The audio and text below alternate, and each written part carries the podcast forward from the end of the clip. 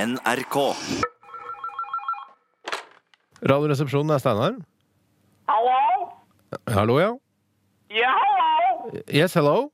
Hi, my name is John Spencer. I'm placing a random call. How the heck are you? Eh, I'm good. How are you? I'm mighty fine. What's your name? Mm, my name is uh, Steinar Sagen.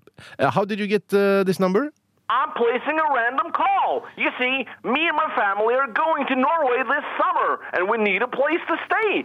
So I thought I'd just place a random call. And look, it worked. now I'm speaking with Steinar Sagen from Norway. Wow! wow, yeah. Yeah, we're probably related, don't you think? Way back there? Um, eh, maybe. Do you have a family history webpage or a family tree?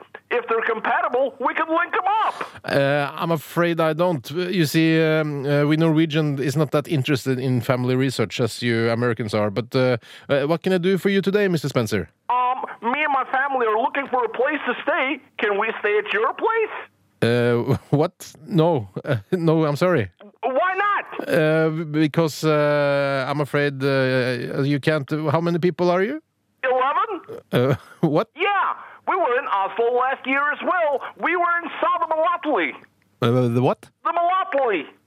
Uh, the, uh, the, the monolitten. Yeah, the Malotli. Yeah. I took a picture of it. It was a great shot. I can send it to you. No thanks. So, can we stay at your place? No. We all have sleeping bags. We can even sleep on the balcony if you have one. Do you have a balcony? Uh, yes, in fact, I do. Great! We can sleep on the balcony! Ah, I can't wait to get back to Norway. Last year, we were in Southern Gulf Solopigga.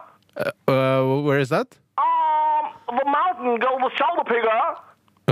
Gullepiggen. Yeah, Yeah. the Gulf Solopigga, that's right. Yeah. I took a picture of it. It was a great shot. I can send it to you. No thanks, I'm fine.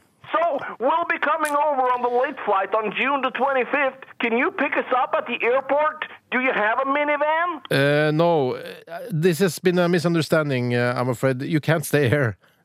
Come on, motherfucker, what the fuck's the problem? Don't you think I've handled worse fuckers than you when I was in Iraq? Okay, take it easy now, okay? Don't tell me to take it easy, motherfucker. I will fuck you up, asshole. Why the fuck can't we stay at your place, fucker? Are you a family hater? Do you hate our Lord Almighty fuckface? We're coming and we're staying at your place in your recent fuck. Uh, hey, man. Don't hey man me. Call you later, fucker.